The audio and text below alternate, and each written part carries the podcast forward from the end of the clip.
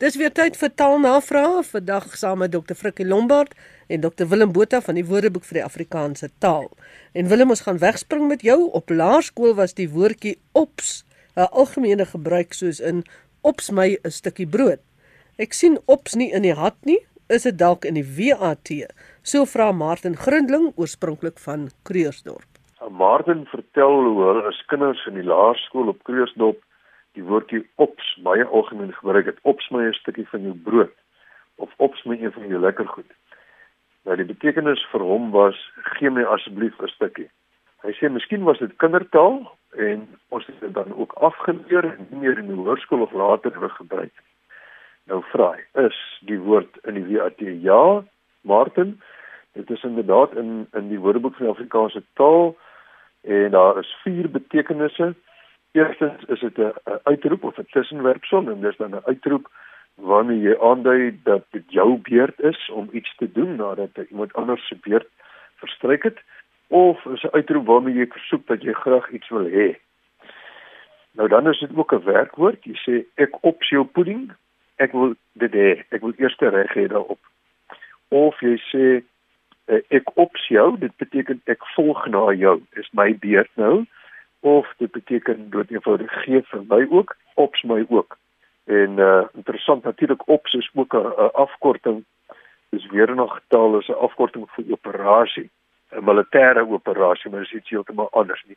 In die weermag word daar van 'n ops gepraat dan so 'n operasie wat uitgevoer word deur die militêre magte Frikkie wat is kolofonium en het dit met kolofon te doen? Wil Ans Konradi en Magdalene Kreur weet Nou ja, toe kom ons kom ons help julle.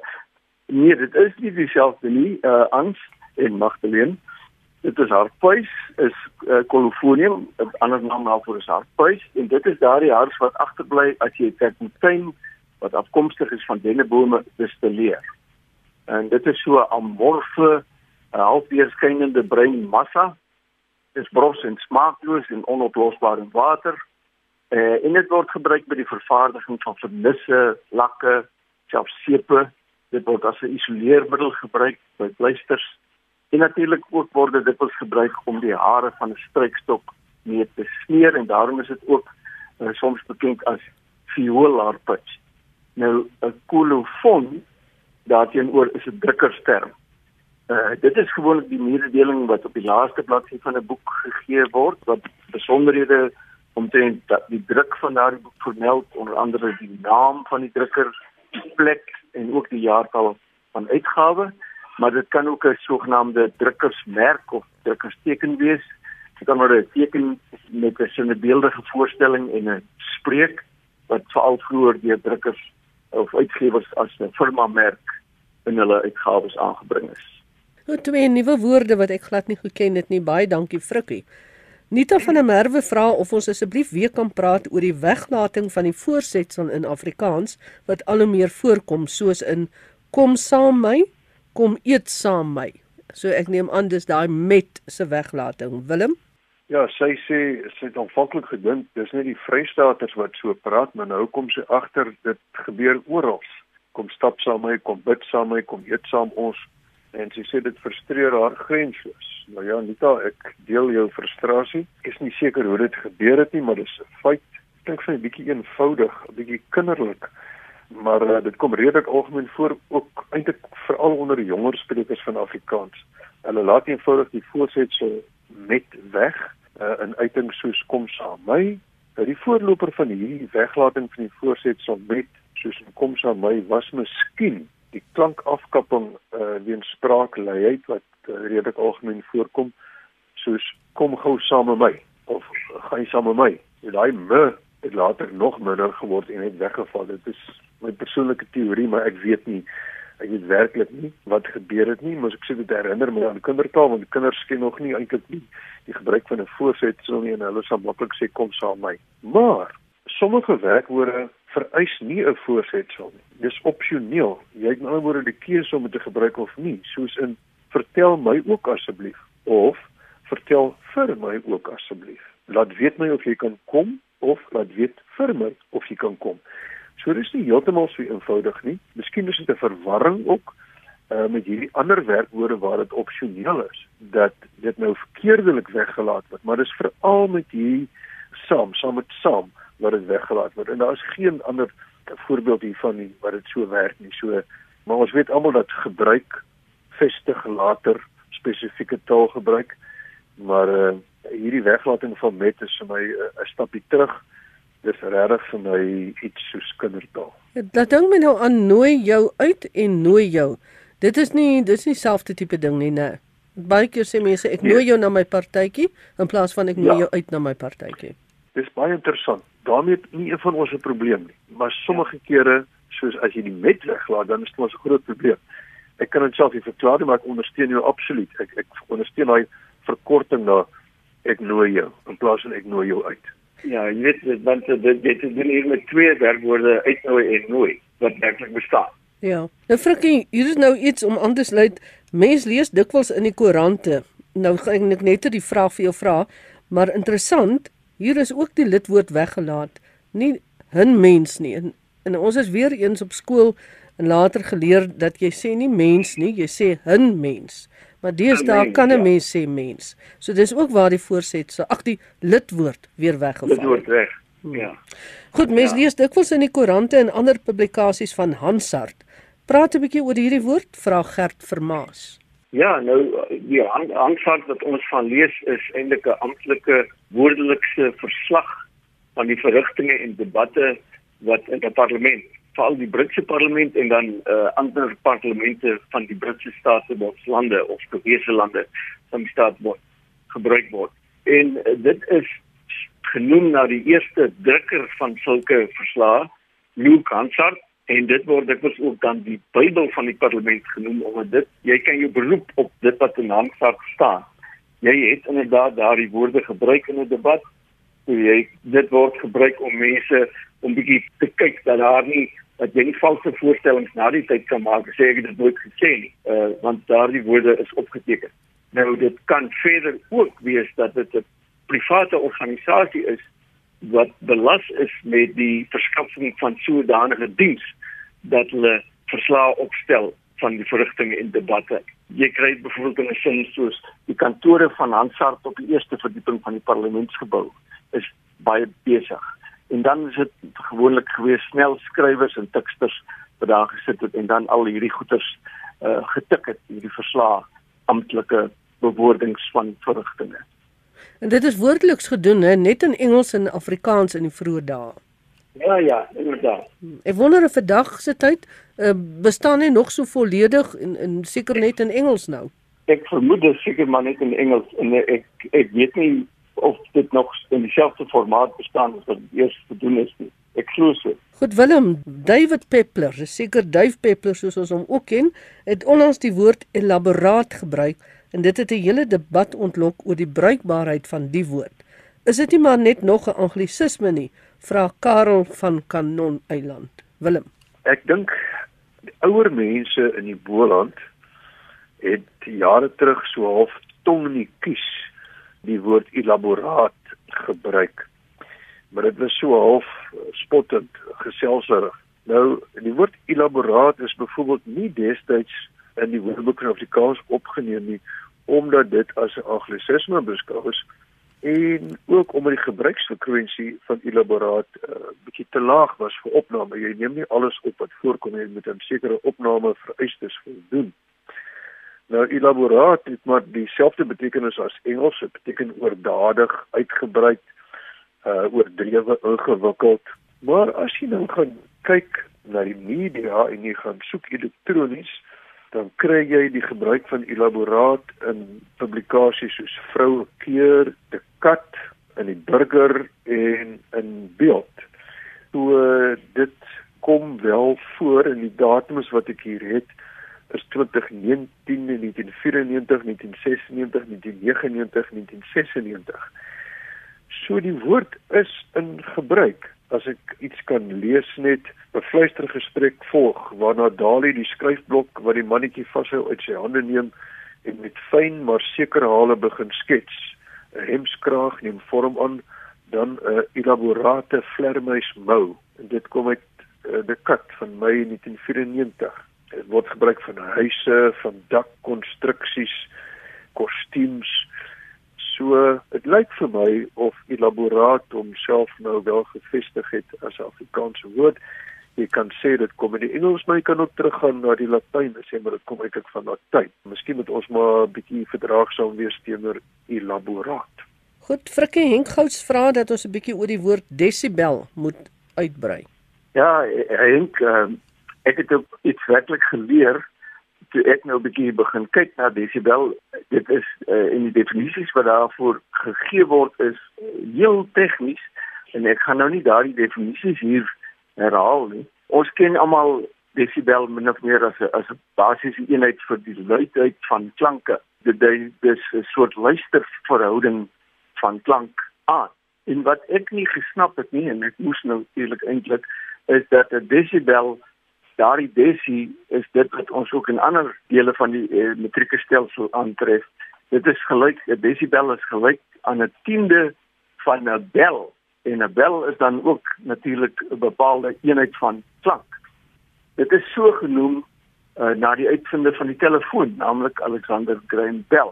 Nou die sterktes uh, of intensiteit van geluide kan verskil en hulle verskil een bel van mekaar as die een geluid in 10 maal so groot intensiteit as die ander een het. En behalwe vir die bel is daar ander eenhede ook vir geluidsverskille en dit is natuurlik ook dan die desibel wat ons nou hiervan gepraat het die fon uh, wat dikwels as 'n absolute eenheid gebruik is en die meper wat veral in Europa gebruik is en ek weet nie of dit tans nog gebruik word maar soos ek sê dit is uh, ek iets geleer hier en ek gaan gewoon die definisies wat in die WAP staan herhaal nie want hulle is baie baie tegnies Goed baie dankie Frikkie Mariet van die Parel vra bevestiging van haar waarneming dat die voorsetsel verkeerdelik die sinsklem dra in radio en televisie uh, nuusprogramme. Sy verwys veral na die geval van nabewering in plaas van na bewering. Willem, jy kom ook van die Parel, so miskien het jy vir ons die antwoord. Uit die Parel altyd iets nuuts. Nou verskeie mense het al by my uh, gekla oor wat hulle op die nuus uitsendings hoor beide wat betref radio en televisie naamlik 'n oormatige beklemtoning van die voorset, so byvoorbeeld nabewering in plaas van nabewering. Hulle praat nou met die verteenwoordigers in plaas van hulle praat nou met die verteenwoordigers. Jy hoor selfs iets soos 4 mense is gistermôre gearresteer. Nou hierdie gerondvallery met die klem uh, gaan nog tot baie eienaardige dinge lei. Ehm uh, I mean wat kan 'n mens nou anders arresteer behalwe mense? Die klem moes op 4 mense gelees het. Kan krokodille ook wees? My... Dan sal mense sê 4 mense en 4 krokodille gearresteer. uh kom die krokodille in handboeie of voetboeie? Nee, dit sal ons nou nie weet nie. maar dit lyk vir my dit kom eintlik wanneer mense lees. Dis nie wanneer hulle praat op die radio en die televisie dis wanneer hulle nuus lees dan raak dit onnatuurlik en, en dan skuif die klem rond na snaakse plekke toe. Maar er is byvoorbeeld sê ons praat nou met een van die beswaarmakers. Ons wil eintlik praat met die beswaarmaker. Maar uh, dit is baie interessante verskynsel. Dit uh, gebeur ook in Engels. Ons het altyd gepraat van John as well as Peter is coming. Nou is dit as well. Peter as well. Hulle word tog elke dag. En ons het groot geword met speedometer maar kilometer die instrumente het die klem op die oog gekry thermometer barometer. Maar nou kry jy kilometer wat eintlik moet wees kilometer maar jy kry, kry nog steeds kilogram en word nie kilogram nie. So Engels het dieselfde tendens die klem skuif na aanleiding van modus Frikkie Marina Nel het in Moerbybos van Deleen Matthee die volgende gelees. Hy sit op 'n keporrige esterkateltjie. Wat beteken daardie keporrig? klink vir my baie koddig. Ja, om die waarheid te sê, ek weet glad nie. En ek sou graag wil hoor of enige luisteraars die woord ken. Ek het aanvanklik gedink dis miskien 'n verskrywing van knopperig. Jy weet dit of 'n drukkersduiwel of iets, maar ek ken dit glad nie. Ek kry dit nêrens nie. Ek het selfs bietjie moeite gedoen om die ding op uh, twee uh, Facebook bladsye vertaal mense taal tamaletjies in Talgoggas en Albuiters te plaas en te hoor of mense uh, dit ken. Uh mense het gelag daarvoor maar daar nie daar was nie enige klaarblyklike idee wat die woord kan beteken. Die naaste wat in die WAT voorkom is kepuga. En dit is 'n woord wat in uh, Calvinia se wêreld gebruik is vir iets wat klaar of gedaan is. En ek het gewonder of hierdie keporg dan nie ook maar kan beteken lendelam nie. Dit dan oor iets wat deur gebruik of verwaarlosing nie meer lekker sterk of stewig is nie of a, of 'n afgeleefde of vervalle toestand is. Maar soos ek sê ek het nie antwoord hierop nie. Ek is jammer. Uh, ek weet nie wat dit is. Nou goed, dalk is daar iemand wat me vir ons 'n antwoord gaan stuur in die volgende klompie weke. Ja. Willem Elma vertel dat sy op skool geleer is dat fantasties 'n anglisisme is. En vandag nog irriteer dit haar dat mense enigiets as fantasties beskryf, van 'n skoen tot die gehoor by 'n popkonsert. Nou kyk, die fantasie rondom fantasties is absoluut awesome. Kom ons kyk na die woord fantasties. As jy na 'n ouer woordeboek toe gaan, dan is die eerste betekenis dit wat op 'n fantasie berus, dit wat onwerklik is, onredelik denkbeeldig, fantastiese verhale, denkbeelde. Ek onthou nog baie goed in 'n boek van Seun van die Heever het hy geskryf van die die vlamme wat fantastiese skaduwees teen die muur gooi. Met ander woorde, dit was bo werklik, dit was vreemd, toweragtig. En dit is dan die tweede betekenis van fantasties as jy in die Woordeboek kyk wat ontstaan net uit die wilde en onbeteelde fantasie. Wondervreemd, toweragtig, mooi, wonderlik. Fantastiese forme, fantastiese lig, fantastiese skouspel. 'n Waas van dromerigheid oor die veraf ydelblou berge, oor die horison op die rand van die meer hier en daar in fantastiese lynvorme laat opskiet. Dit is nou Sangiro. Dit het te doen met die bonatuurlike, die toweragtige, die wonderlike. Maar nou sê die Woordeboek van Afrikaanse taal hier met 'n aanloop by uitbreiding sonderling oordrewe buitensporig. En dan die voorbeeldjies daarbey is fantastiese pryse, fantastiese somme, fantasties duur vir iets betaal. En dit was die begin van die betekenisverbreding, die betekenisuitbreiding, die betekenisontwikkeling van fantasties totdat fantasties vandag bykans enige iets kan beteken. As jy praat van 'n fantastiese skoen, dan bedoel jy dis wonderlik gemaklik. 'n Fantastiese wedstryd is 'n baie aanskoulike wedstryd. So fantasties kan absoluut enigiets beteken. Maar dit is nie boos of on-Afrikaans of 'n swak ontwikkeling in Afrikaans nie. Onthou, die woord het presies dieselfde ontwikkeling ont ondergaan in Engels en in Frans en in enige ander taal. Jy kan in Engels praat van fantastic shoes. En hulle dink dit is snaaks nie, hulle raak nie opgewonde daaroor nie, want die woord fantasties het net hierdie absolute wonderlike verbreding ondergaan. En dit help nie om daarteen te skop nie. En dit was eintlik 'n fantastiese stadium in die ontwikkel van ontwikkeling in Afrikaans toe almal nog alles fantasties gevind het want op die oomblik is alles awesome of stunning. En geen my maar liewers hmm. fantasties. Daar is absoluut niks fout daarmee nie. Dis afgelei van fantasme, ehm um, 'n skynbeeld, 'n hersenskim, iets wonderliks. Fantasties Willem. Ons sluit dan af met Frikkie. En uh, Sandra Pieter se vra dan ons oor die woord verkas gesels. Ja, natuurlik beteken verkas nou pad gee of vertrek en jy kan dit jy kan ook vir iemand sê verkas, dan word gee pad. Dit kom uit 'n Nederlandse werkwoord vir kassen wat dan 'n afleiding is van vir plus kas natuurlik en daardie kas kan 'n kus of 'n koffer of selfs 'n klerekas wees. En dit is 'n verwysing na die bagasie wat in kiste of koffers verpak word voor 'n reis of die verandering van een klerekas na ander wanneer daar gereis word en dan verder kan daardie Nederlands kas mag ook wees in studentetaal of gewestelike taal selfs 'n kamer of 'n huisie en daarom kan verkas ook beteken uh, van kamer of huis verander. Maar verkas kan dan wees dat min of meer die betekenis kan wees dat jy uh, van kas verander en dat daardie kas saam met jou op reis gaan as dit ware. Goed, en ons gaan nou verkas. Baie dankie Dr Willem Botha en Dr Frikkie Lombard vir die interessante gesprek vandag. Groete van my Magdalene Creer.